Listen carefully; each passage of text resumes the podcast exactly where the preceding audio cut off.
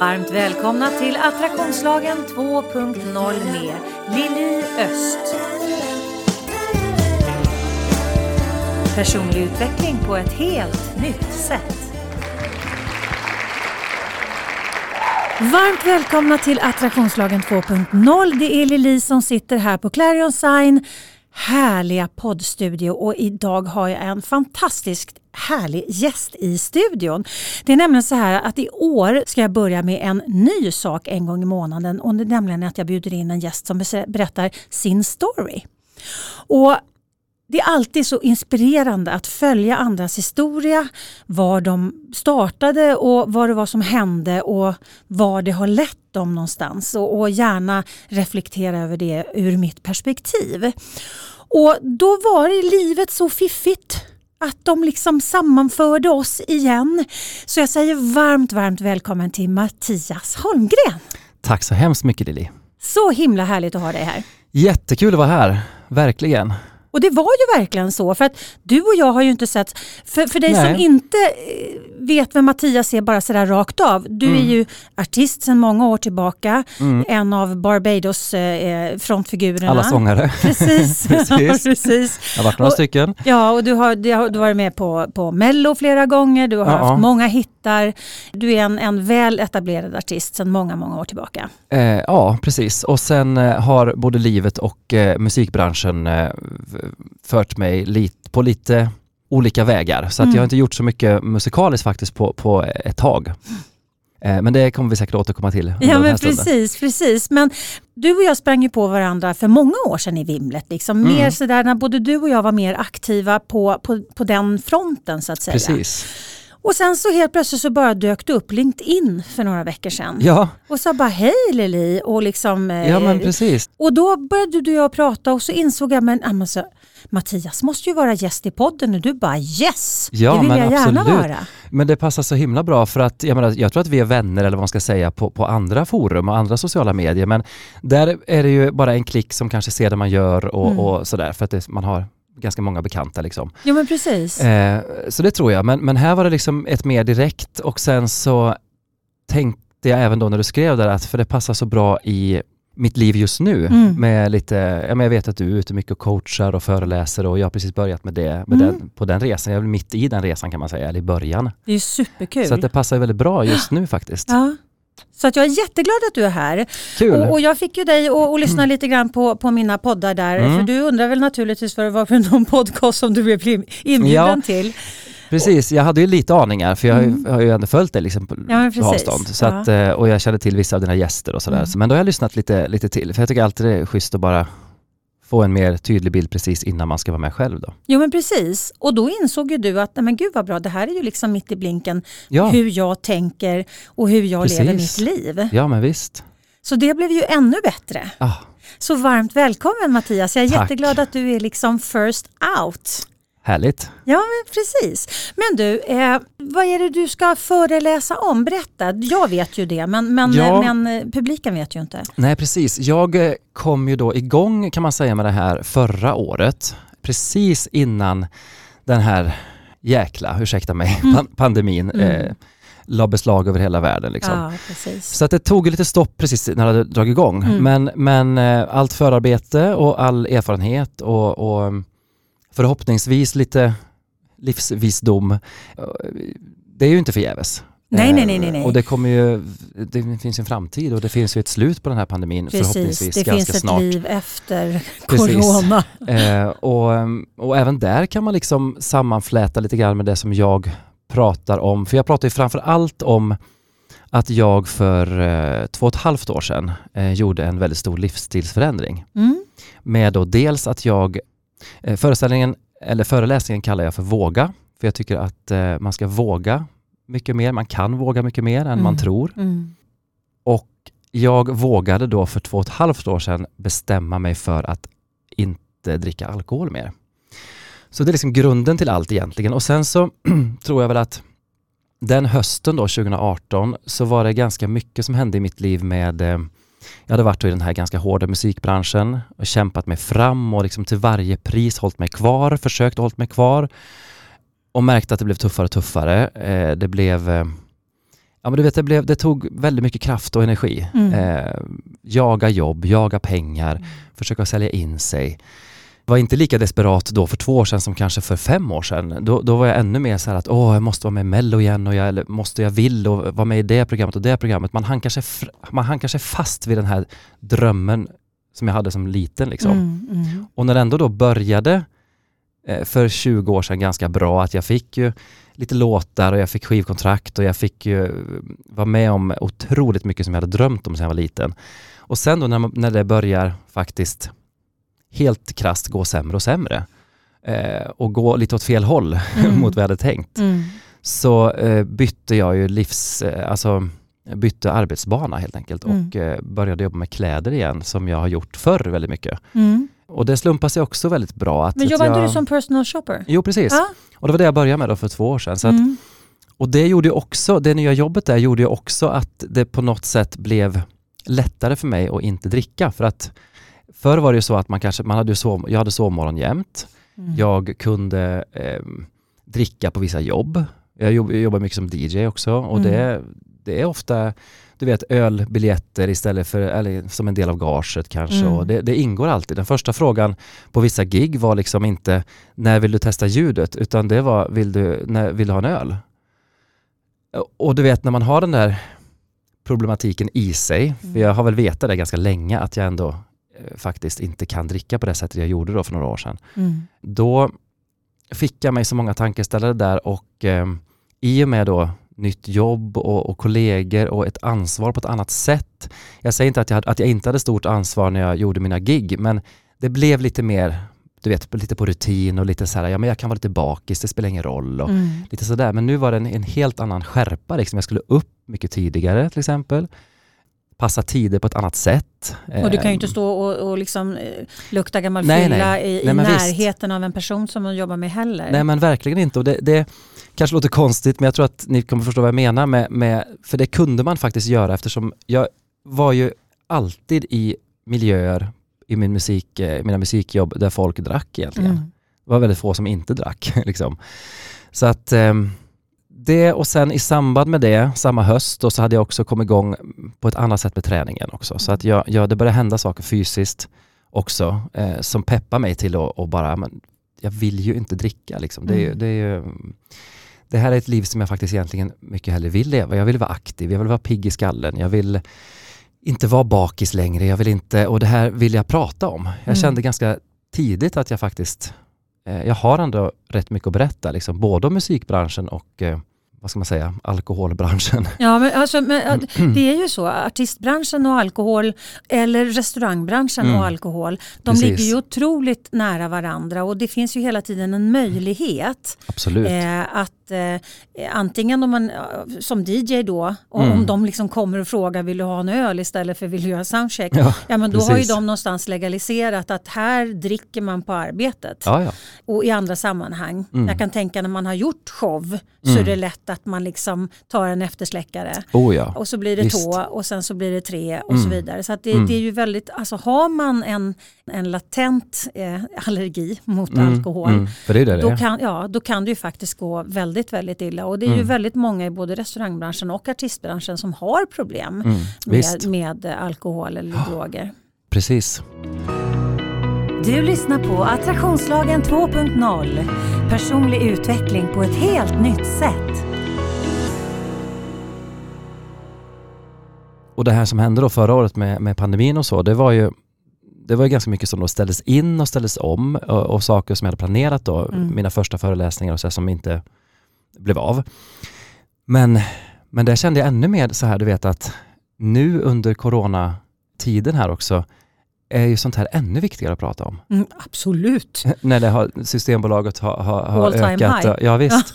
Och folk, eh, människor överlag borde kanske tänka på att dricka mindre, röra mer på sig, äta Mm. bättre. Mm. Eh, så jag slukar ju jättemycket sådana böcker du vet med, med allt ifrån antiinflammatorisk kost till olika så här järnstark till exempel och du vet bara och tycker det är så himla intressant. Det är Ehm, fantastiskt. Det är, det är- det är ju ett helt, alltså man kan skapa ett helt nytt liv genom Ja. att, att göra, eh, göra mikroförändringar men också göra livsstilsförändringar. Mm, Och ofta är det så där när liv- man gör en livsstilsförändring då kommer ju även en mental förändring. mm, Eh, absolut. För att du får ett annat förhållningssätt och du Ja. börjar liksom byta ut mönster och, Ja, och gamla programmeringar och så vidare. precis.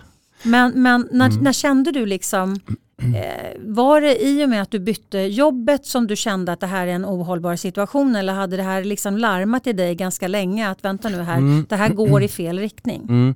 Det hade larmat ett tag. Mm. Det hade väl larmat i kanske i alla fall några år faktiskt, Mm. tre, fyra år.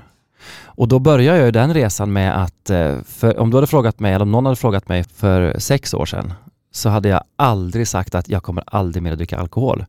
För, för dit hade jag inte kommit då. Nej. Utan jag ville lära mig att dricka normalt, vad nu det är.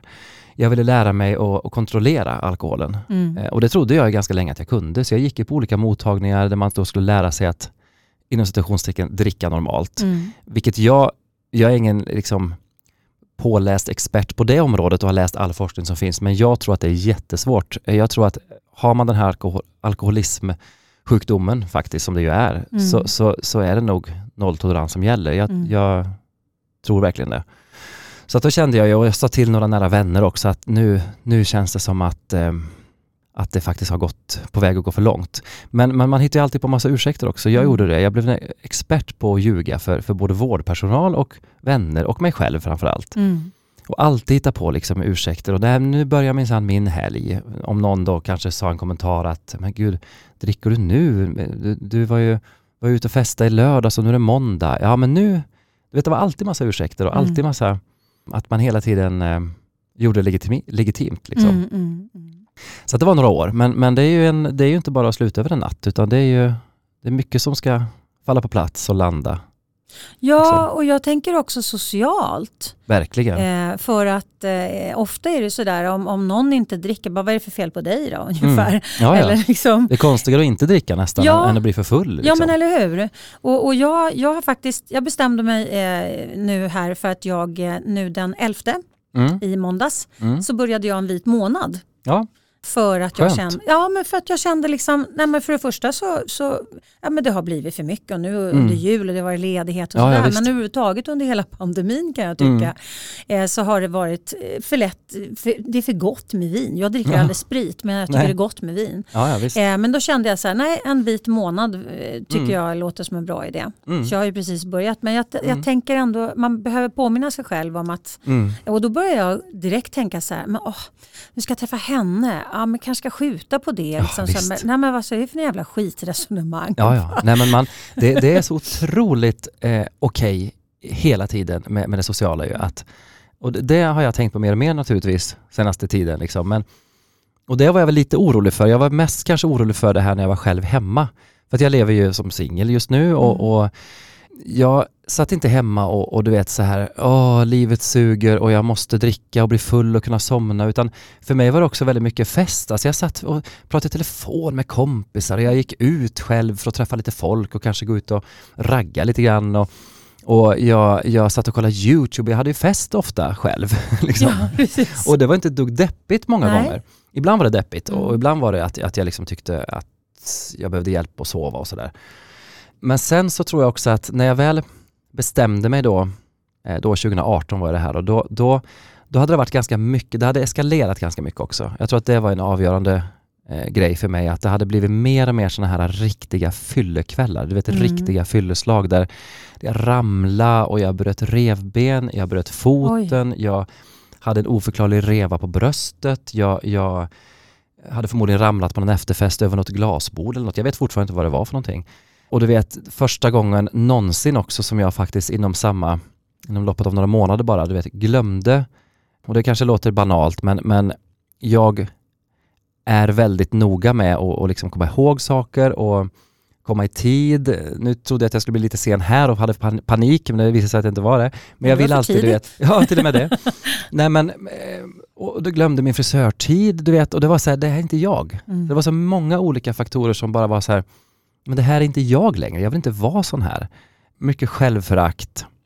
Ja, för jag Eh, tänkte just på liksom. den biten. Mm, När man känner att man är på väg i fel, fel riktning mm, och någon del av dig vet att det här är fel riktning Mm. men du fortsätter att göra det, då, då Mm. uppstår ju faktiskt ett självförakt. visst. Eh, och det självföraktet tänker jag, om man tittar på det ur ett energiperspektiv, är väldigt lågfrekvent. Mm, Och, och när man ligger och sänder på en låg frekvens, då mm, börjar man dra till sig det som ligger på samma vibration och Mm. sänder. Mm. Vilket gör att, att låg frekvens och självförakt föder mycket negativa mm. möten, situationer. Eh, alltså det, det föder väldigt mycket negativa Mm. saker. Kan du känna att det, liksom, att det, att det fick en effekt? Den här, det här självföraktet med, med saker runt omkring. Nå, alltså det är svårt att svara på för att jag de- den, effekt, den största effekten det gav egentligen, det var väl att jag kände till slut att det var, att det var nog. Mm. Att det bara var så här, fast nu, nu får det verkligen vara bra. Mm. Eh, liksom, på riktigt, nu har jag druckit klart. Jag har fyllt min alkoholkvot. liksom. För hela livet. Ja men faktiskt. Ja. Så att det var ju, och sen du vet de här, äh, ja, men när det kommer en skam i det också, det är det, det är Mm. inte bara, den, för jag var ofta mycket sån i sällskap att jag var den som skämtade hela tiden och skämtade bort eh, det som jag kanske innerst inne visste var problematik. Och, och det var nästan så jag jobbade på Birka då på den tiden, på, som tyvärr då inte, inte eh, Finns längre. Finns längre. Nej. då hade vi ju nolltolerans att dricka på jobbet faktiskt och det var väldigt skönt. Eh, sen var det kanske lite fest efteråt och sådär Mm. men, men då var det nästan så att ibland satt kollegorna du vet, och väntade jag skulle träffa och jobba över ett gäng kanske på måndag. Så hade det varit lediga på helgen så hade jag varit ja, men utomlands kanske eller någonting för jag gillar att resa. Det gör jag fortfarande även nu i, nyktert, i nyk, Mm. mitt nyktra liv. Gillar att vara själv och gillar att resa själv och sådär. Eh, det var nästan som de satt och väntade vet, på vad ska Mattias berätta för några fantastiska dråpliga historier nu? Var, var har han ramlat nu? Vad har han sagt nu? Vad har han gjort bort sig nu? Vad, och jag bjöd på det. För det var mitt sätt att liksom eh, dölja det på något sätt tror jag. Mm. Mm. Så det, hände, det var mycket sånt sista året där faktiskt som var väldigt destruktivt. Och, och väldigt så här, nej, för, för det gick ju inte så långt så att jag, man ska aldrig hålla på att jämföra folk som har olika problem men det gick inte så där långt som, som jag kände och känner någonstans att det skulle kunna ha gått att jag du vet, förlora, blev av med jobb Mm. eller att jag förlorade lägenheten för att jag inte kunde betala hyran eller inget sånt. Eh, och jag, jag skötte ju 99% av, av alla Mm. åtaganden. Men förutom den här frisörtiden då som jag berättade om tidigare så, så ställde jag också in jobb, några jobb.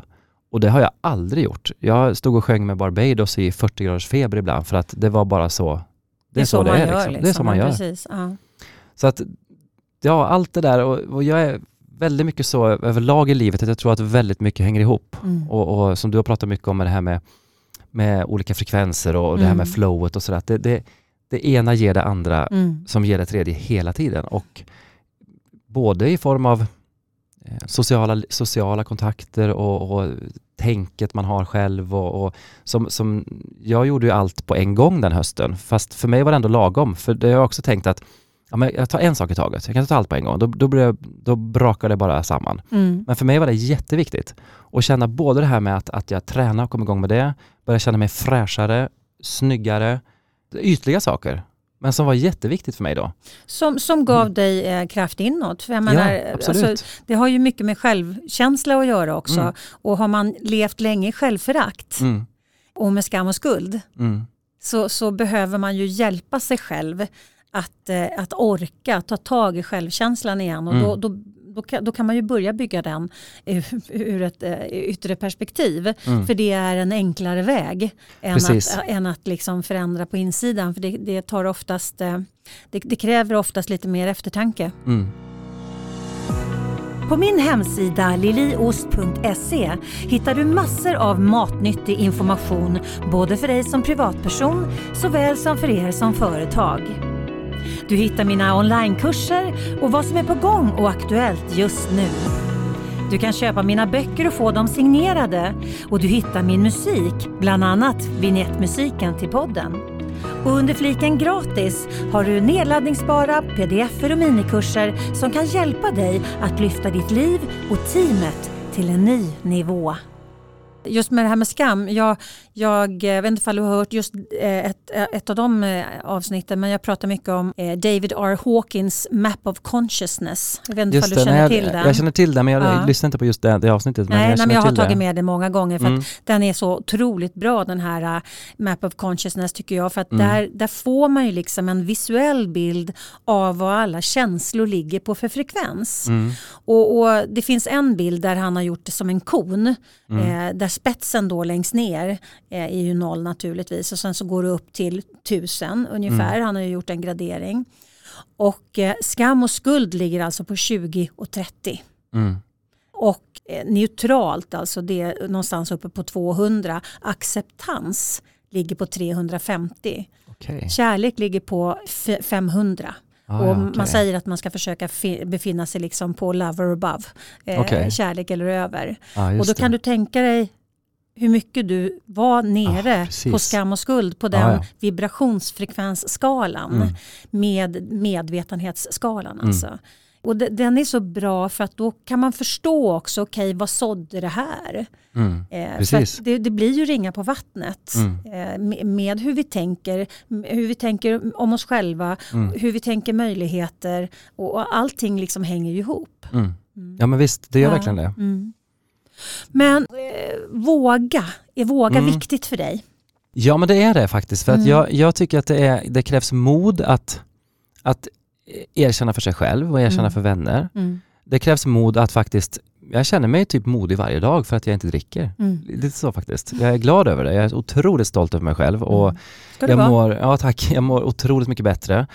Men det är vissa situationer naturligtvis som är tuffa. Mm. Såklart att det är.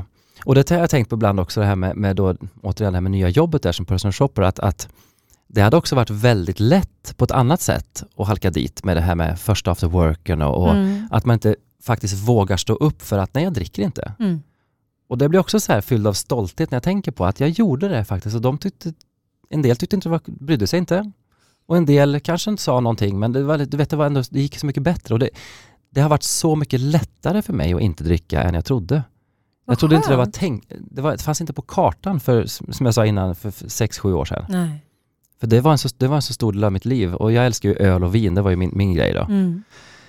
Men sen, ja, men som sagt, allt hänger ihop och en kombination av allt. Det, det är otroligt häftigt och intressant. Och det är spännande när man upptäcker saker om sig själv, Mm. i sig själv och man upptäcker Alltså det kanske är så när du känner så här, ja, men det var mycket enklare än jag trodde. Mm. Du kanske, det är precis som du sa från början. Alltså jag, jag har druckit mina, Ja, mina centiliter. ja, Liksom. precis. jag är färdig. Ja. Eh, Och- och, och- då blir det ju ingen issue. Nej, Jag slutade röka, nu, nu är inte det samma sak men det är ju ändå ett gift. ja, ja visst. Eh, Jag slutade röka 1983 så det är ett Mm. tag sedan. Mm. Bra jobbat. Ja, och då hade jag rökt, jag var ju väldigt ung, eh, Ja, ja. men jag rökte ju från när jag var ung. Liksom. Jag rökte Ja. rätt, rätt ordentligt faktiskt. Men så började en pappa i Family Four Mm. och eh, då var vi alltså fyra, nej, vi var fem stycken för vi hade med oss en trummis också. Så var Mm. Family Four och så en trummis då, Frank. Mm.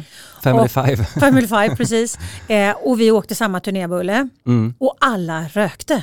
Ja, ja, det och gjorde väl alla alla på den rökte tiden. i Typ. bilen. Ja, ja, visst. Du vet att det var ju som en gaskammare. Ja, ja. Så att jag blev ju allergisk mot rök Ah, okej. och tappade rösten av rök. Ah, ja, ja, okej. Och så var vi och gigga på, på Rhodos. Ja. Och eh, så hade jag, jag hade köpt en limpa cigaretter Mm, och skulle åka hem och sen så, så läste jag något, eh, det var en sån här veckoblaska, något horoskop. Det var ju Mm. liksom inget avancerat. Nej, nej. Men det var det jag behövde den dagen. Mm. För där stod det att, att tvillingen, då, jag är tvilling, född i tvillingarnas tecken, Mm. och våra, eh, vi har eh, som svagaste, vad heter det, inel, vad heter det, inte, vad heter det, organ, ja. eh, är då lungorna. Ja, okej. Eh, och då tänkte jag så här, nej fan. Och jag hade ju börjat liksom tappa rösten och hela den här biten. Ja. Liksom. Och det är ju inget bra när man är sångerska och tappa Nej, rösten hela nej, tiden. Och på den, på den tiden ring, rökte ju alla inne. Ja, ja. Så när man giggade på företagsfester eller liksom krogar och så vidare så Ja, satt ju alla och, och, och rökte. så visst. det var ju ingen bra grej. Liksom. Men då bestämde jag mig där och då, nej nu slutar jag röka. Mm. Och slängde den här jävla limpan som jag hade köpt. Mm. Eh, och, eh, och sen rökte jag aldrig igen. Nej. För det var rätt dag jag slutade röka. Mm.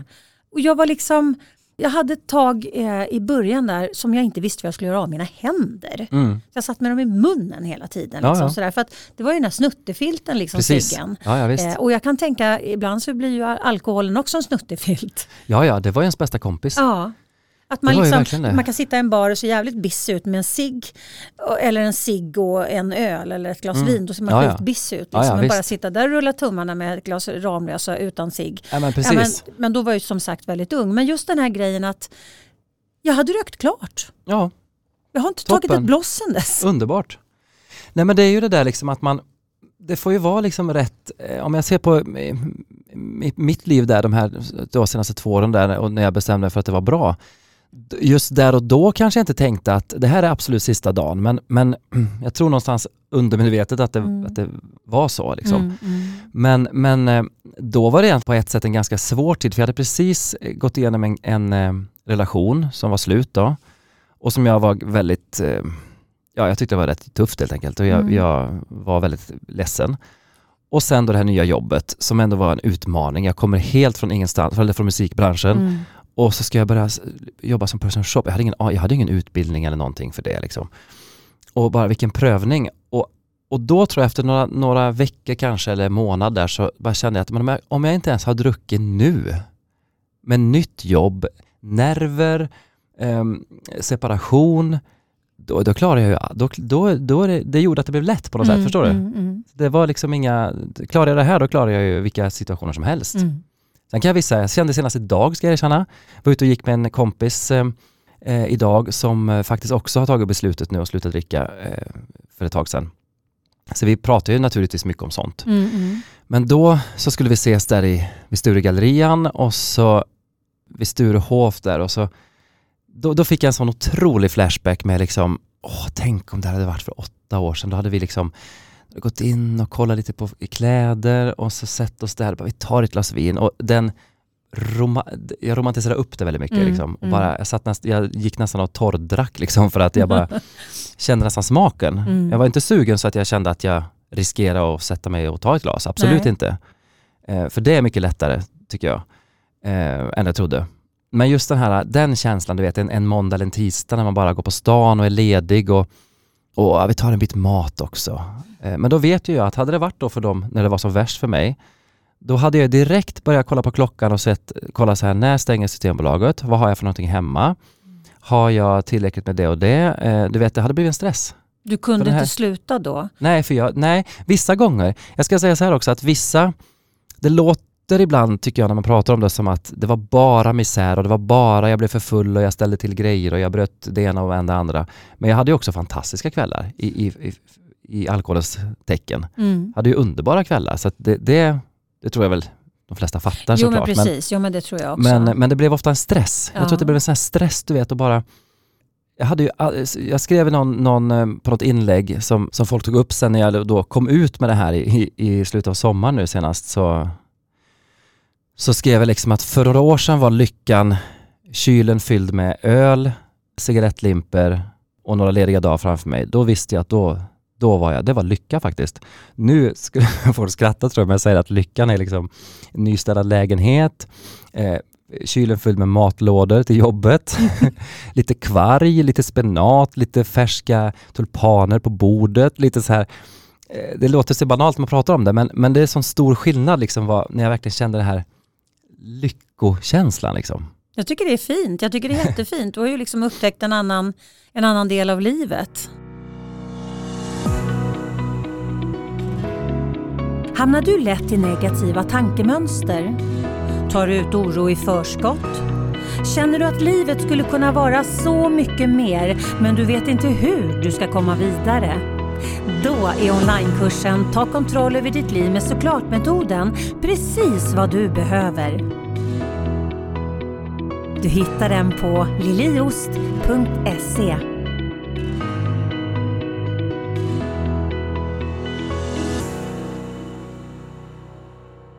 Det här med att våga då, eh, återigen, det blev att vi svävar ut här, men det, det är ju det som är så härligt med Mm. sådana här får det. samtal. Ja, det är Man får underbart. det, det är ett samtal. Eh, nej men jag, även det här med, som jag pratade om i föreläsningen också, att man vågar, man vågar testa. Jag känner mig också jättemodig som fick det här jobbet. Mm. Som vågar söka det här jobbet och våga, det tog inte många dagar när jag skulle ha egen kund på, på, som personal shopper Mm. och jag var ju, jag var inte livrädd ska jag inte säga, men, men jag var ju så här, åh. Och, och sen den kicken när det funkar och sen så kom jag in i det jättesnabbt och, och det är skitkul jobb alltså, riktigt, riktigt roligt. Gud och, och fantastiska kundmöten, du vet när man faktiskt, eh, när man eh, på något sätt, det handlar inte bara om att hitta snygga färger till den personen nu och, och några toppar, utan det är mer, det är faktiskt, det går djupare än så tycker jag. För det, Absolut. det är verkligen det här med, som vi pratade om innan också, med inifrån och ut och utifrån och in, att Mm. jag har sett folk börja gråta i provrummen för att de ställer sig och tittar i, spegel, tittar sig i spegeln och bara, Ska jag, får jag vara så här snygg? Mm. Får du vara så här snygg? Det är klart du får. Alltså man, blir nästan, man blir berörd själv. Liksom. Mm. Mm. Och bara få folk att faktiskt känna sig... Man ser, jag ser jätteofta när jag har kunder, det när det tänds någonting i ögonen, du vet när Mm. de kollar sig i spegeln och bara, men gud jag kan ha den här färgen. Min mamma har alltid sagt att jag inte ska ha rött på mig Mm. och nu känner jag mig jättefin i rött. Ja, skit i vad hon sa. Mm. Titta dig i spegeln och känner du dig snygg så är du det. Mm. Och det, Jo, det är precis. otroligt häftigt alltså. Och jag tänker att det, alltså, personal shopper är nog lite eh, samma eh, typ av eh, psykologarbete, absolut. som, Ja. alltså yrke som frisör. Ja, För det är ju också lite samma sak, man har tid tillsammans, man Ja. måste se människan. En absolut. frisör kan ju inte bara se håret, de måste ju Nej. liksom plocka upp hela människan med vad man Ja. utstrålar. Och, Ja, och, och, och det jobbet måste du ju göra samma sak, vilket gör Mm. att det blir ju otroligt coachande Mm, och någonstans, eh, det, det finns en acceptans mm, i luften, eh, i mötet mellan dig och kunden, mm, att ni är båda där för dens bästa. mm. Och att det finns en acceptans att, att du, du kan faktiskt levla. Mm. Det är okej att levla. Ja, ja. Du kan levla upp och du kan vara ditt finaste och ditt bästa. Mm. Och det är, mitt, eh, liksom, det är min, min mission att hjälpa dig och bara nå, nå det som känns absolut bäst för dig. Och Ja, det är ju det är en fantastisk eh, handling. Ja, och rama in den personligheten och den personen och lyfta den personen. För jag tänkte innan då när jag, när jag kände det här med musikbranschen att ja, men det kanske inte kommer att bli så som jag trodde för 20 år sedan. Att, att, för då var jag helt säker på att ja, ja, nu har jag fått min karriär här, nu har jag fått min hit och nu, nu, nu är det bara Och åka med. åka med och det kommer aldrig bli problem igen. Så tänkte jag då, för 20 år sedan. Mm. Men sen som jag märker att det är, nej, oh, det var, i början hade jag det jättetufft med mig själv när jag jämförde mig mycket med andra, du vet, som jag tyckte, jaha, varför ska han vara med där hela tiden? Varför ska hon vara med där? Och nu får hon vara med i Mello igen. Alltså det var jättetufft att ha den där kampen hela tiden. Mm. Avundsjukan faktiskt. Ehm, och, och så, ofta när jag var full såklart Mm. också. Men, men just det där, när jag började då på, ehm, som personal shopper så det var så skönt också att det inte handlar om mig hela tiden.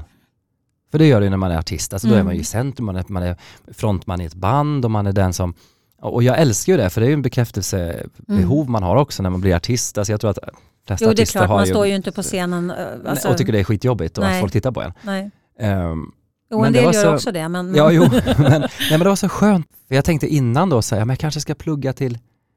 Jag tycker ju om det här med de här mötena med folk och, och, och försöka få folk om... Det handlar ju om när man... När jag var på de här båtarna och jobbade till exempel, det handlar ju också om samma sak, egentligen. få folk att må bra Mm. en kväll. Mm. Skräddarsy en kväll för just den här publiken. Med låtval, med quizfrågor om det nu var en quiz till exempel eller, eller så. Så det är lite, man kan jämföra på det sättet. Mm. Mm. Förutom att man själv inte då står i centrum, det är kunden som är i centrum och det var, Mm. det var faktiskt jätte, jag tror att det var viktigt för mig till och med. Ja, och jag tänker också det här, återigen för att bolla tillbaks till attraktionslagen, hur den funkar och, och, och hur våran hjärna funkar. Mm. Om, om man då tittar på den här perioden då där det var mycket liksom att fightas för sin plats eh, Mm. liksom längst fram. Mm. Eh, att finnas i alla program, att finnas liksom på de här ställena, känna Mm. den här avundsjukan och, och liksom de som fick de giggen som du egentligen ville ha. Mm. Den avundsjukan är jävligt lågfrekvent. Den är väldigt Det är lågfrekvent. Ja, alltså. den är lågfrekvent som attan. Plus att det du gör då det är ju att du- förminskar dig själv, du Ja, visst. skuldbelägger. Ja, alltså det, det, det är så många interna processer som Mm. händer när vi går in i den typen av känsla. Mm. Som blir extremt lågfrekvent vilket gör att man, blir inte, man utstrålar inte så jävla skön energi. Nej. För att, att du, alltså, vi, vi tror att det här händer bara i mig. Det är Mm. ingen som vet att jag tänker så här. Jo, för att vi blir liksom ett skrikande inferno Ja, ja. med hur vi känner på insidan. Och den största kommunikationen, eller den mesta kommunikationen mellan oss människor, det är hjärtfrekvensen. Mm.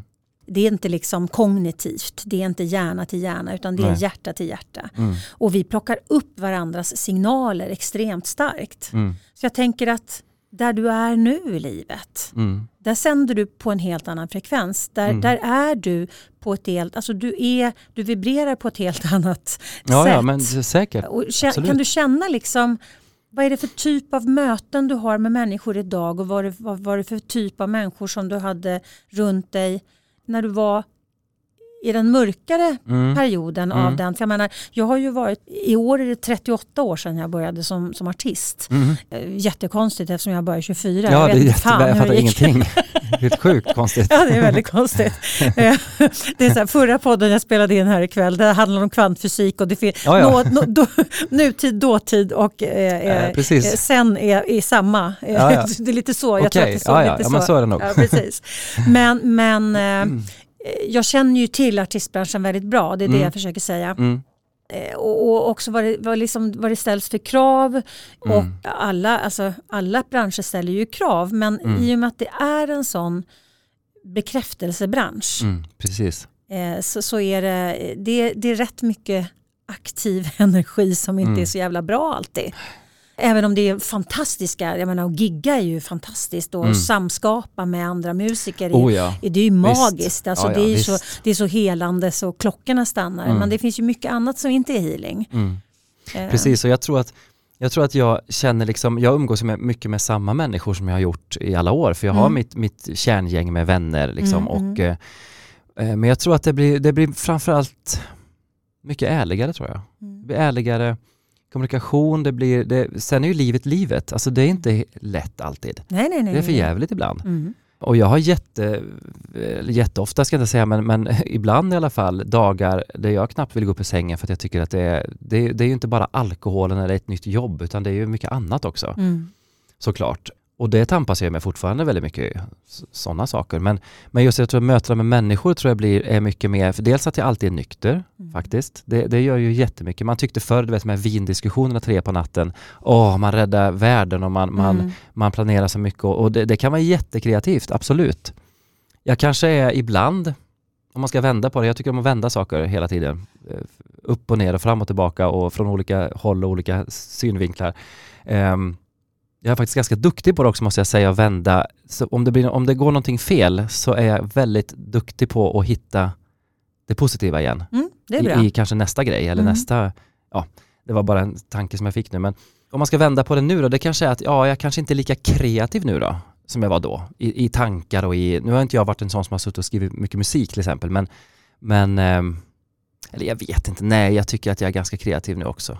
Jag tar Vad, vad är det för där. kre- ja, alltså, det, Men det här är så bra när man liksom tror att man, man slänger ur sig någonting Ja, som man tänker precis. så här, det här är, och så medan man berättar det så tänker man så här, nej men vänta det Ja, här men det var stämmer precis så ju nu. inte. Jag bara, nej men det stämmer ju inte. Jag har ju aldrig suttit och skrivit låtar, inte ens på fyllan. Då sätter jag och kollar på Främling med Carola 48 gånger och hatar mig själv. Och skrev något idiotiskt på Facebook dagen efter. Ja, det det det är kreativt? världens bästa slager. Mm. Ja, det kanske det är. Mm. Men alltså, jag var, så, du vet, jag var så trött på mig själv ett tag. Jag var så trött och, och nu, det är klart att... Du blev bitter. Prenumerera gärna på min Youtube-kanal Attraktionslagen 2.0 så att du inte missar några uppdateringar. Ja, det tror jag absolut. Ja. Jag var nog bitter ett tag och jag var, ja men det här självföraktet och det här liksom, Mm. den här tydliga, det är svårt att förklara nästan, men den här tydliga känslan av att jag är någonstans och jag är en person nu helt plötsligt som jag inte vill vara och som jag inte är egentligen. Jag kommer ihåg en kompis, en av mina bästa, bästa vänner som har känt mig väldigt, vi har känt varandra jättelänge.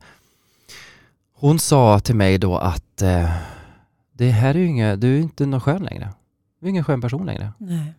sur och, och pratar bara om dig själv och, och allt vad det var. Jag fick en väldig harang där, men det var jäkligt tacksamt Mm. och ärligt. Det är tur att man har vänner som kan liksom, eh, vända upp en spegel eh, när man Visst. behöver det. Mm. Och jag gjorde det till henne också för några år sedan när hon hade, hade drabbats av en stor sorg. Vilket var fruktansvärt naturligtvis. Men då, då började hon att liksom odla en sån här riktig bitterhet. Du vet. Hon Mm. tyckte att hon var den enda som hade gått igenom den här sorgen i hela världen. Och Mm. just det här, även inom musikbranschen var det då att det var också så här, kunde nästan inte tycka någonting var bra längre. Liksom, någon annan artist eller för, det var fel på allt. Liksom. Mm. Och då hade jag ett sånt snack, för det här var mycket längre sedan. Men det är så otroligt viktigt att man har dem Mm. de vännerna. Och sen har ju vissa vänner försvunnit för att det var väldigt mycket festande. Mm. Och då, då märker jag också lite grann att ja, men det var det då. Det var, det var väl viktigt då kanske. Och bra då. ja, men allt har sin eh, tid. Ja, visst. Och och jag tänker att de människorna som kommer förbi, de kommer förbi. De är Mm. meningen att de ska vara där ett tag. Mm. Ibland kommer de tillbaka senare i livet, ibland Mm. kommer de tillbaka alls. Eh, ibland ska det vara en väldigt kort eh, relation eh, innan Mm. den upplöses. Mm. Men om man liksom bara, man bara tackar för den tiden som har varit Mm. eh, så, så behöver det inte bli så, så svårt. Nej. Eh, För att det blir ju sådär. Och man, liksom, man får olika intressen och jag menar om, om det som binder er samman var, var liksom partyt Mm. och alkoholen, ja Mm. men då blir ju det rätt ihåligt och då är Mm. det rätt naturligt att det liksom fejdar ut, Mm. eh, tänker jag, när, när man då liksom tar visst. bort den gemensamma komponenten. Ja, men precis.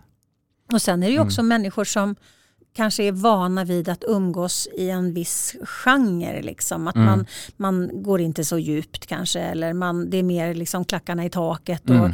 det är lite liksom, ja, men det är ju en typ av flykt. Eh, Ja, men visst. Ett sånt beteende är ju en typ av flykt även om det är kul att partaja emellanåt men, Mm. men när det blir hela tiden och att man aldrig liksom eh, man aldrig får någon substantiella möten. Eh, Precis. För det blir det ju inte riktigt. Det här med att man sitter liksom klockan tre på morgonen och, och vänder Mm. ut och in på livet. Mm. Det är ju väldigt ofta så att man kanske har gått beyond. Mm. eh, och så kommer man inte ihåg något dagen efter i alla fall. Och då, precis. då var de samtalen i alla fall inte... Eh, De var inte värda så mycket i alla fall. Liksom. Precis. Nej, men det, det, nej, det finns mycket att prata om och det, Mm. det är så intressant och, och, och även det här med, med, nu ska jag byta ämne helt, men, eller inte helt och hållet, men just det här med mat och med eh, träning, motion, träning. Alltså det har ju också räddat mig måste jag säga. Så det, Mm. har, det, det finns, jag har liksom gjort med så här nu vet med, jag gillar att skriva ner saker ibland, men, men ofta att det är, är i huvudet så här olika små, vad ska man säga, små medel i livet och i vardagen för att jag ska må så bra som möjligt. Mm. Och, och då, då är det liksom att, ja men du vet små saker egentligen, men som, som är så här, då, då har jag en bra grund liksom på något Mm. sätt. Då har jag en bra foundation, jag har en bra, jag känner mig rustad för, för en ny vecka eller en ny månad eller ett nytt eh, uppdrag eller vad det kan vara. Om jag har så här att jag måste ha, eh, ha det städat hemma, städad lägenhet, då mår jag jättebra. Mm. Det är som så fort Jag med. blir, det, det, jag är inte överpedantisk, men, men eh, och det, det är så tydligt liksom. Jag måste ha de här matlådorna jag pratade om förut. Det fylls, det fylls jag också av den här, åh, det är så skönt, nu slipper jag tänka på det, nu slipper jag tänka på... Och det kanske är ett sätt, kommer jag på nu när jag pratar om det, men det är väl också en, en för jag har ju varit väldigt, ehm, jag har ju drabbats av eh, stress väldigt mycket i mitt liv också. Jag, jag gick in i, vägg, i den berömda väggen för, för några år sedan Mm. och blev, var utbränd och sjukskriven och sådär. Och det var, det var det värsta. Jag tyckte jag ställde till det för alla när jag ställde in jobb. Och då, då, då ställde jag in jobb också faktiskt. Ehm, någon gång när jag var bakis, men, men då, då fick jag ställa in helt enkelt. Då, 2016 var det. Eh, och då var det en period när jag drack mycket, så att det hörde ihop även Mm. där Mm. såklart. Min förhoppning är ju att den här podden ska hjälpa dig att utvecklas och växa. Har du frågor som du vill komma vidare i och som du vill att jag tar upp i podden? Maila mig på liliat.liliost.se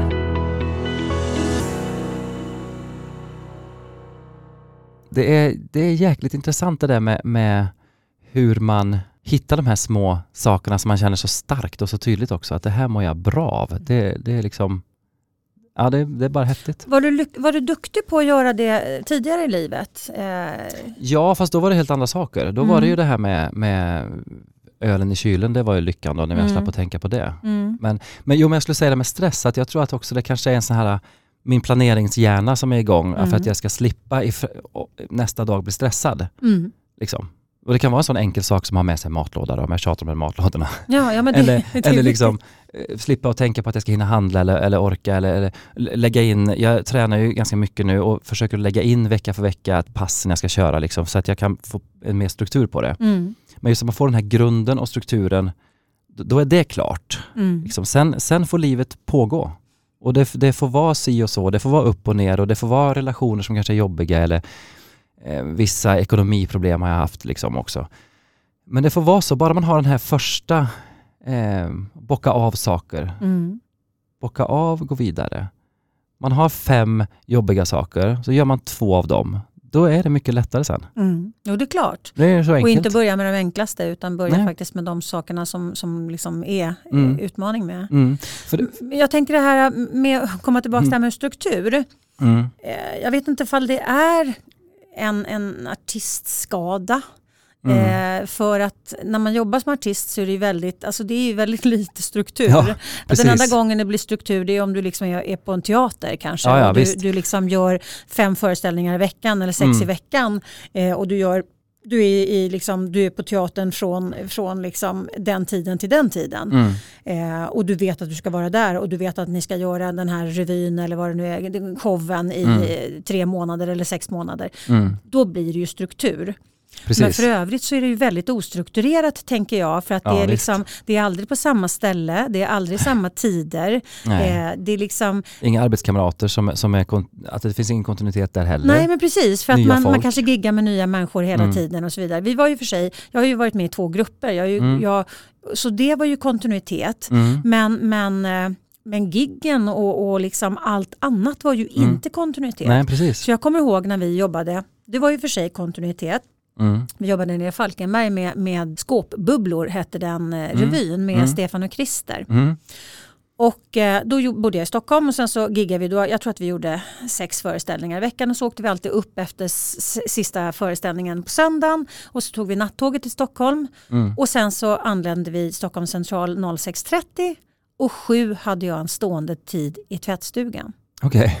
Månad ut och månad in. Och du vet, Ja. jag var nästan lyrisk. Okej. För jag hade aldrig i mitt liv, alltså jag är ju en musikerunge, jag är fan Ja, ja. uppvuxen i en musikerfamilj. Och sen har jag jobbat liksom som jag var jätteung Mm. eh, som artist. Mm. Så att, och det var ju liksom högt och lågt och, och liksom, vi Mm. reste mycket och vi reste mycket med, med pappa och vi, alltså vi gjorde ju väldigt mycket saker så att det blev den här, mitt behov av struktur tror Mm. jag mycket kom ifrån att jag hade, alltså det är inte så att, att det är allting en happening i artistbranschen för det är Nej. väldigt mycket hårt arbete och mycket förberedelser. Men, Absolut. men jag menar det är aldrig samma. Nej. Nej, men jag är helt med på vad du menar. Och då kanske det är viktigt att ha de här små sakerna. Ja, som som ändå... matlådorna. Ja, men För precis. jag, liksom, jag kände, jag kände Ja. så här syskonskap i det där Ja, eh, tvättstugan och matlådorna. Ja men exakt, det är egentligen samma, samma, samma typ av struktur och samma typ av ordning. Liksom, att man, nej, men det, det är jätte, jättespännande. Och jag har haft det faktiskt i i hela mitt liv, det här behovet då. Och framförallt alltså när jag jobbar som, som coach Mm. så gör jag väldigt, väldigt mycket strukturerade modeller. Jag bygger modeller Mm. för att hela mitt inre behöver struktur. Mm. Jag behöver kunna förhålla mig till saker och ting så att Mm. hela jag, liksom, eh, min, min, min kropp skriker efter struktur hela Mm. tiden för att Mm. jag är liksom all over the place. Ja, ja. Och för att kunna då vara balanserad, Mm. då behöver man balansera upp det här. Mm. Eh, Jag gjorde disk, eh, en sån här diskanalys för massa år sedan, du vet disken med Mm. alla olika färgerna. Och jag är då 100% gul Mm. och gul är ju liksom all over the place. Ja, ja. Eh, och blå då som är struktur, det hade jag Precis. typ 7% Ja. eh, och den gick upp typ till 11% i anpassat beteende så att jag hade Okej. väldigt lite struktur i mig själv. Så det är förmodligen därför jag alltid har liksom strävat efter det Mm. för att jag behöver det för att balansera upp eh, mig Mm. själv. Mm. Eh, Precis. Så, så att, var, var glad över dina matlådor. ja men jag. absolut. Och just att, man, att det blir konkret också på något Mm. sätt. För det är väldigt abstrakt när man är en konstnärs Ja. själ. Liksom det, det, är, Yes. åh, det är så mycket känslor och det är så mycket och det, det här med ekonomi, ja men det får någon Mm. annan ta hand om för det har man ingen koll på. Och Mm. Det, det, det är jätteviktigt att få den där strukturen då, Mm. ehm, såklart. Mm. Ja, men jag köper helt, eh, helt det du säger. Ja, ja, det- jag bara fick en sån här, liksom, ja det kan faktiskt hänga ihop liksom, Mm. med, med våra, våra branscher. Mm. Eller Och vår jag, bransch. precis, och jag tror att jag också med, med åren och med erfarenheten och med, med nya vanor och nya, nytt liv eller vad man ska säga. Eller, du pratar ju med just med attraktionslagen 2.0 att, att, att jag 2.0, Mattias Mm. 2.0 är liksom före och efter alkoholen på något sätt. Mm. Men också behöver det där med just den här strukturen som, jag märker mer nu för tiden att jag blir mer stressad när, förr var det så att det kunde hänga i luften och det var inte så, det var, jag hade alltid någonting på gång och det var alltid något nytt gig och det var något nytt med det och jag hade mycket att göra. Nu har jag mer tid för att jag har Mm. mer, eh, mer struktur i, i det jobbet jag har nu naturligtvis. Mm, mm.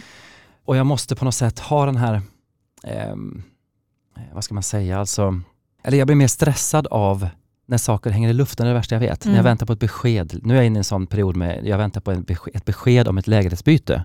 Och det lägenhetsbytet vill jag gå, i- att jag ska gå igenom för att jag vet att jag kommer att må mycket bättre, för att det, det blir billigare hyra.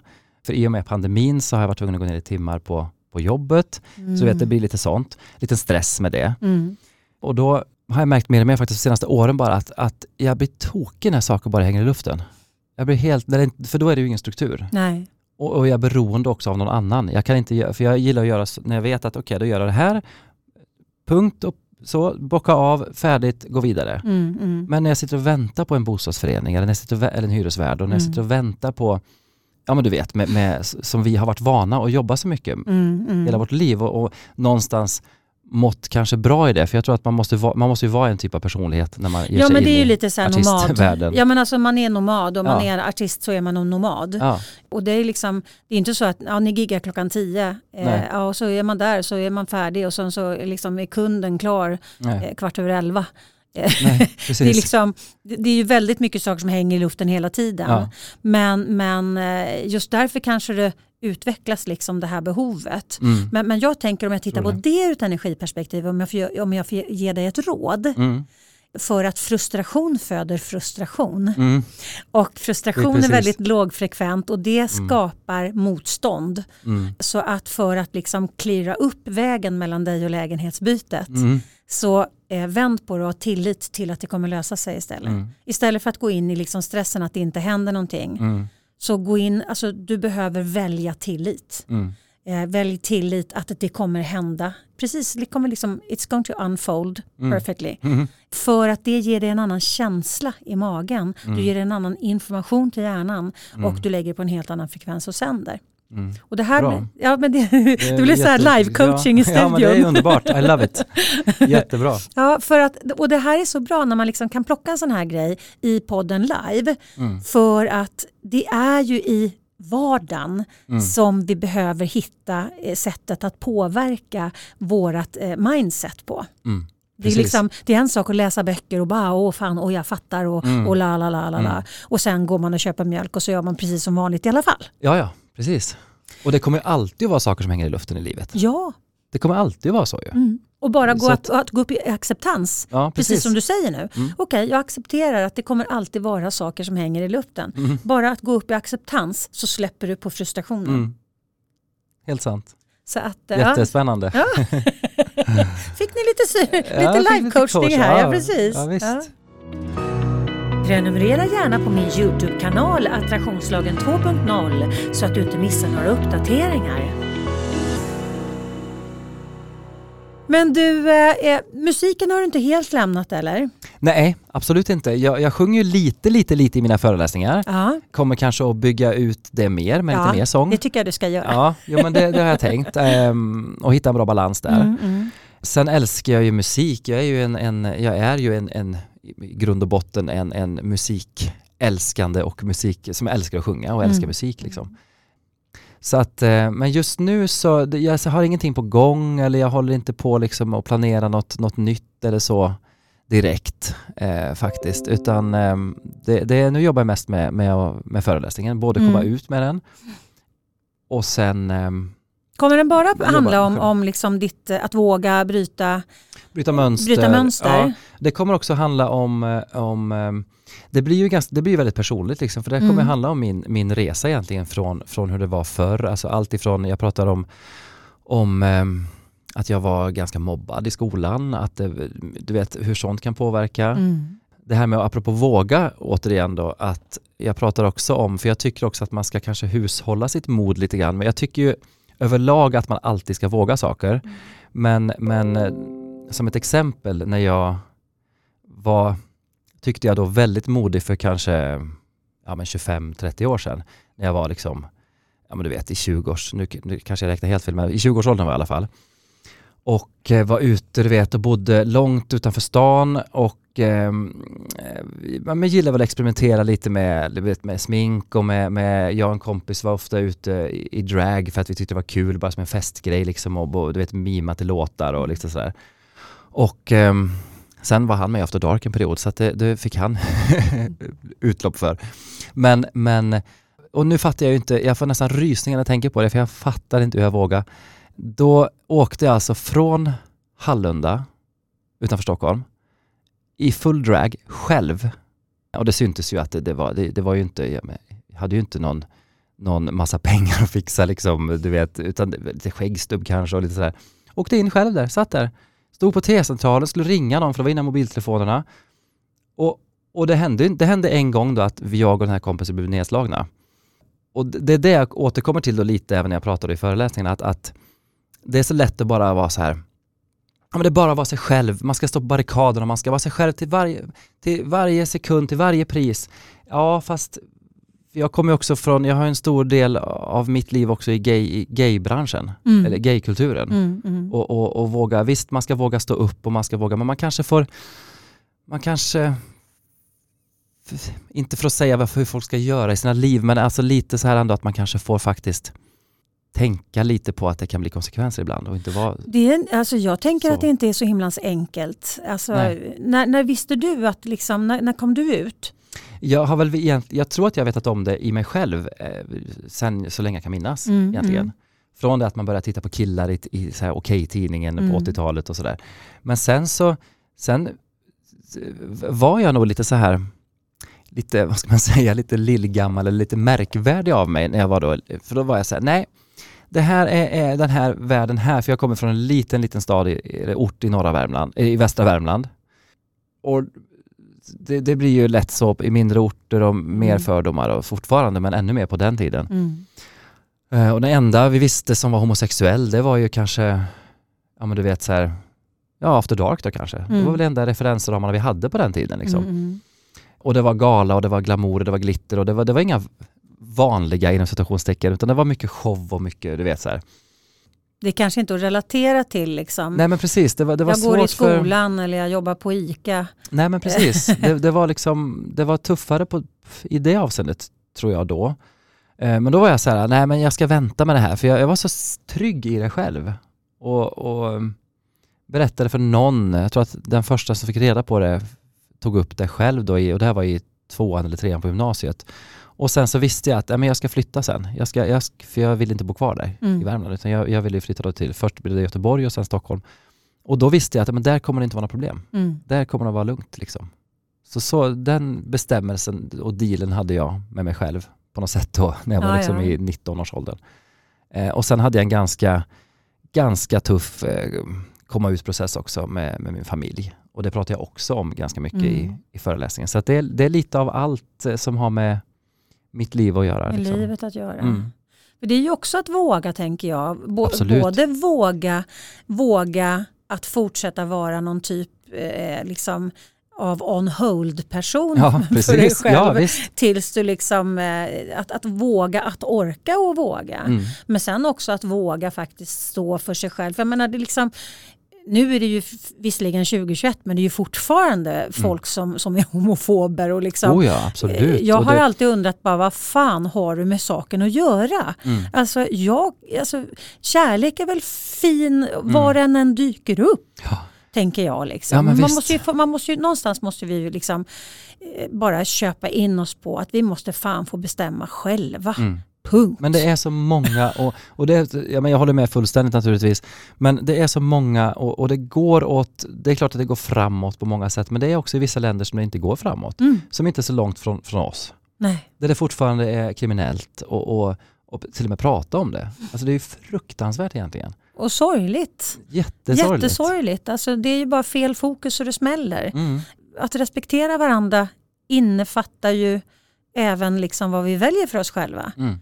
Och, och bejaka någon i, liksom, i ens val. Och det är ju Mm. också att våga någonstans trots att man vet att ja, det här kommer bli en tuff resa Mm. men jag gör det ändå. Mm. För att det är viktigt för mig. Det här är jag, jag vill vara så här, punkt jävla slut. Ja, jag, vill, men jag vill gå den här vägen. Ja, ja. Eh, och, och jag vill göra det här. Jag Mm. vill vara den här människan. Liksom. Mm. Och, och det, att, att, att våga, Mm. det, jag tänker det påverkar mycket i livet. Oh ja, verkligen. Blev du modigare tänker du som människa för att du var tvungen att göra ett väldigt modigt val för att eh, liksom vara sann dig själv? Du menar just med, med eh, homosexualiteten? Mm. Att du liksom, du blev Ja, ställd som en ung, alltså du var ju Ja. ung, alltså i Ja. 19-årsåldern ser man ju faktiskt Mm. inte man är ju inte, man är ett mannagryn nu möjligtvis, Mm. men man Ja, är ju liksom inte fullvuxen. Ja. Jo, men Eh, jag tror att, att mm. jag, jo men det tror jag absolut. Mm. Jag tror att alla de här ganska stora valen man gör blir man, växer man av Mm. och lyfts av och, Mm. och blir modigare. Mm. Jag tror det. det. Det är modigt att prata om känslor och det är modigt att, alltså det finns så mycket som man faktiskt eh, bör våga tycker jag. Mm. Och har allt att vinna på att våga tänker jag. Visst. För att när man har vågat så känner man ju sig så otroligt livsbejakande när man har gjort Mm. någonting. Så jag menar, det kan ju vara som att hoppa från, från liksom trampolin. Ja, ja, när du vågar ta ett, ett steg liksom, Ja, i någon riktning eller ett Mm. språng i någon riktning så känns det ju som, det blir nästan liksom sådär, eh, det blir så fantastiskt, man blir ju nästan euforisk för att man faktiskt har gjort en, en förändring och vågat göra det.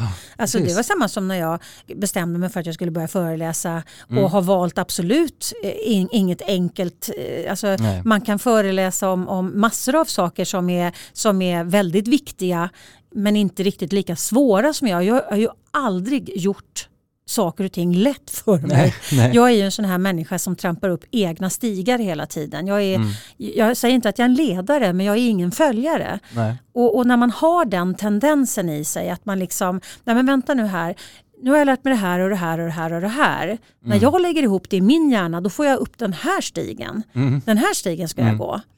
Så att jag har alltid liksom valt en svår väg för mig själv. Mm. Men det är ju så jag har behövt att göra. Men varenda gång jag liksom har gjort det och är ihärdig och hänger i Mm. så blir jag liksom glad och stolt över mig själv att jag inte liksom säljer mig själv på vägen. Nej, precis. Eh, Och det är viktigt. Mm.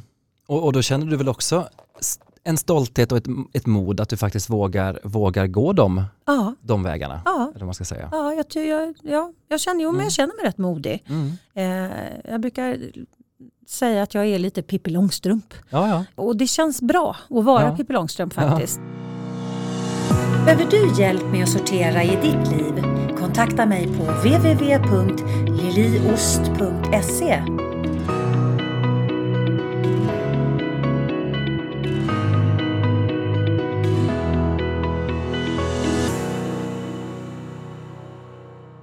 en förfrågan en gång. Jag eh, hade varit och sjungit på en eh, begravning. Mm. Och sen så flera månader senare så, så ringde begravningsentreprenören mig och frågade du, kan du ta ett, eh, eh, ett jobb som begravningsofficiant? Ja absolut sa jag. Mm. Vad är det? Ja precis. Och det var verkligen i den ordningen. Ja, men jag tänkte just på ordningen faktiskt. Ja, det är jättehäftigt. Ja, och sen fick jag ju veta vad det är. Sen, sen dess har jag faktiskt gjort rätt många begravningsofficiantjobb. Ja, ja. Okej. Där jag både har varit bara officiant eller liksom gjort både eh, sjungit och varit Mm. officiant. Mm. Men just det där, det är så i mitt sinne eller i mitt kynne, i min personlighet. Mm. Att jag säger ja och sen tar jag reda på vad det är. Eh, för jag tänkte, ja, men hur svårt kan det vara? Liksom? Mm. Ja, ja. Och det är ju, Precis. det är ju Det är väldigt Pippi. Långstrump. Liksom. Ja, ja, men det är ju också en väldigt härlig eh, inställning tycker jag. Ja, alltså för mig funkar den ju. Ja. Och ibland sätter jag mig liksom i jävligt knepiga situationer när jag inser att jaha, det här var inte enkelt. Nej. Äh, men då har jag satt mig i båten så får jag ro båten i Mm. land liksom, efter bästa förmåga. Men, men det är ju att våga, Ja, ja, visst. jag. Ja. Absolut. Och, och jag tänker ofta sådär, vad är det värsta som kan hända? ja, men eller hur? För jag har ju vågat ganska mycket även när jag var liksom mer aktuell i branschen, att jag vågar ju höra av mig till, till em, vissa idoler och be dem om låtar eller be, jag, jag, jag hade inga, nästan inga skrupler där. Jag bara var så här, vad, vad är det värsta som kan hända? Jag får ett nej, ja det, kan, och det kommer att kännas ledsamt. Mm. Eller så för att Eh, jag. Ja, och så brukar jag ofta tänka också, och det kanske har en mer negativ, när man tänker på det negativa då, som till exempel med alkoholen och, och allt det där. Eller att man ska ta massa strider hela tiden. Man får ju välja sina strider också. Mm. Jag tycker att det är ett så bra uttryck att man, Mm. att man faktiskt, ja men det var inte värt det just nu. Mm. Jag tänker på det och jag vill prata om den här personen med, om, om det till exempel, Mm. om det kan vara någon relationsgrej eller någonting. Men om jag inte måste göra det nu så kanske jag inte behöver ta den striden precis nu för att jag pallar inte just nu eller, Mm. eller så. Men också det här med, när man tänker efter, var det värt det? Det tycker jag också man kan, man kan ha lite i bakhuvudet faktiskt. Vart man vill landa ja. Ja, Mm. var det värt det här? Mm. Var det värt att, att ta upp det här precis nu eller, eller liksom, ja jag vet inte, jag tycker det är ganska, jag lever ofta efter det faktiskt. Och det, jag tänker det är bra. Ja, jag tror det. Eh, Och, och jag tänker att när vi tillåter oss själva att utvecklas längs vägen, Mm. då blir resan som är livet liksom, eh, Mm. fan så mycket enklare att leva. Mm. För vi, eh, många gånger ställer vi ju så höga krav på oss själva att vi ska veta allt och kunna allt Mm. redan innan vi har gjort någonting. Ja men visst. Men om vi är lite mer liksom sådär, ja, när man, om jag tänker efter före eller om jag tänker före efter, Efter. eh, så, så alltså vi lär oss så mycket på det. Mm. Och bara den grejen att man går tillbaka och reflekterar då, behöver jag ta det här nu? Precis. Eller behövde jag ta det här nu? Mm. Och, och liksom lär någonting på det. Mm. Eh, det, det, är ju, det är ju att växa, Mm. tänker jag. Mm. Ja. Och, och det kommer ju ofta att vara så i livet. Alltså livet är ju inte alltid så lätt. Nej. Det vet vi ju. Nej. Och om man återigen har den här grunden som jag, för mig har varit väldigt viktig, att jag har här, en bra, en bra, det blir ju som en bra grund helt Mm. enkelt. En, en, att jag känner mig liksom stark och trygg i det jag är precis nu, Mm. med allt då ifrån eh, städad lägenhet till matlådor till att jag, att jag tränar så ofta som jag vill eller går ut och går eller vad det nu kan vara. Att jag måste ha liksom någonting varje dag. Mm. Eh, frisk luft och, och, och få igång lite puls. För Mm. det, det har jag märkt nu att det mår jag bra av. Mm. Och, och det, då har man i alla fall gjort det man kan. Sen, bring it on. Mm. Sen får det, får det bli som det blir. Jo men precis, jo, men alltså, när, man, när man sätter an saker som gör att man mår bra, Mm. Då får man ju en helt annan utstrålning. Eh, Mm. alltså, du, du drar inte till det, om, om du går omkring och mår bra Mm. eh, och känner dig nöjd och känner Mm. dig lycklig och, och känner dig tillfreds Mm. och känner dig harmonisk. Då, då är ju du på en, en Alltså då, då jobbar ju du på plan fyra. Liksom. Då, Ja. då träffar inte du de som jobbar på plan ett Nej. överhuvudtaget. Precis. Eh, och, och, och det är bra att liksom veta att man kan faktiskt försätta sig själv i de tillstånden. Mm. Eh, och då får man ju liksom effekt av det. Mm. Med vilka medel den är. Ja, det, det är inte så att, det är inte såklart att alla inte mår bra av, av de här sakerna vi pratar om. Nej men det, det är ju liksom, Liksom. upp till var och en Mm. och, och hitta sin, sin liksom guldpåse. Mm. Ja men precis. Ja. Hörru du, eh, tiden flyger ju när Ja, det man har det förstår jag. trevligt. Det förstår jag. Jag har inte ens tänkt eller kollat på tiden eller någonting men det jag brukar ju det bli nu. så. Ja, men nu kände, började, jag började känna så, ja, men eller hur? Det Ja. började kännas så här, nu har vi nog suttit och pratat en Ja, timme tror det har vi nog gjort. Och vi har nog till och med pratat lite längre än en Ja, timme. det tror jag säkert. Men, eh, men otroligt härligt att ha det här Mattias. Och varmt Tack, lycka jätte- till. Ja men tack så jättemycket. Jättekul att prata med dig tycker jag. Ja, detsamma. Super. Det här får vi göra om. Ja det tycker jag. Ja. Absolut. Och så hoppas vi att covid eh, tar bort strypgreppet Ja, så att vi så kan, vi kan börja föreläsa, igen. Precis, vi kanske ska göra det tillsammans. Det kan, Vi kanske kommer att göra det tillsammans. Det, det, det skulle vara fantastiskt. Ja men eller hur, det här Och kanske är möta lite- starten på Ja. något nytt. Ja men visst, och möta lite publik igen. Ja, eller Så- hur. Så, ja, det längtar vi till. Ja, ja, det är magiskt faktiskt. Mm. Även om, nu, nu har jag ju faktiskt börjat göra lives igen. Jag gjorde lives på, på Facebook i somras, eller Mm. från mars till juli. Mm. Så gjorde jag en, en Facebook live varje, varje vecka. Mm. Eh, men sen så har jag inte gjort det, men så satte jag igång på YouTube nu. Så Mm. att jag gör en, en Äntligen måndag. Ja, jag har sett den faktiskt. Eh, ja, vad kul. Ja. Men alltså det är ju fantastiskt, men jag möter ju fortfarande inte publiken. Nej, nej men det är ju det. Man sitter ju och stirrar rakt in i datorn liksom. Ja, Eh, Så att eh, den, den här eh, kärleksrelationen man har till publiken där det liksom plingar i ögonen på folk precis. och nickar att de förstår Ja, och, ja visst. och ler eller skrattar. annat. Ja men gud det är ju liksom Mm. det är ju den här men, mellanmänskliga relationen som vi är så svältfödda på nu. Mm. Visst. Så att eh, bring them on. Vi, ja men verkligen. Nu får det bli så. Ja. helt enkelt. Ja. Men du, varmt lycka till och Tack stort tack för att du kom hit till podden. Tack för att jag fick komma. Ha det bra. Ha det bra. Hej då! Du har lyssnat på Attraktionslagen 2.0. Vill du supporta podden, gå in på liliost.se supporter.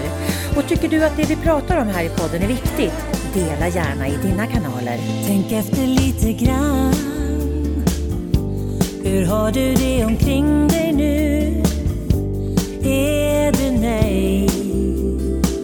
Är du nöjd med det du har? Var är du i ditt liv? Har du funderat på att ta ett annorlunda kliv? Känner du som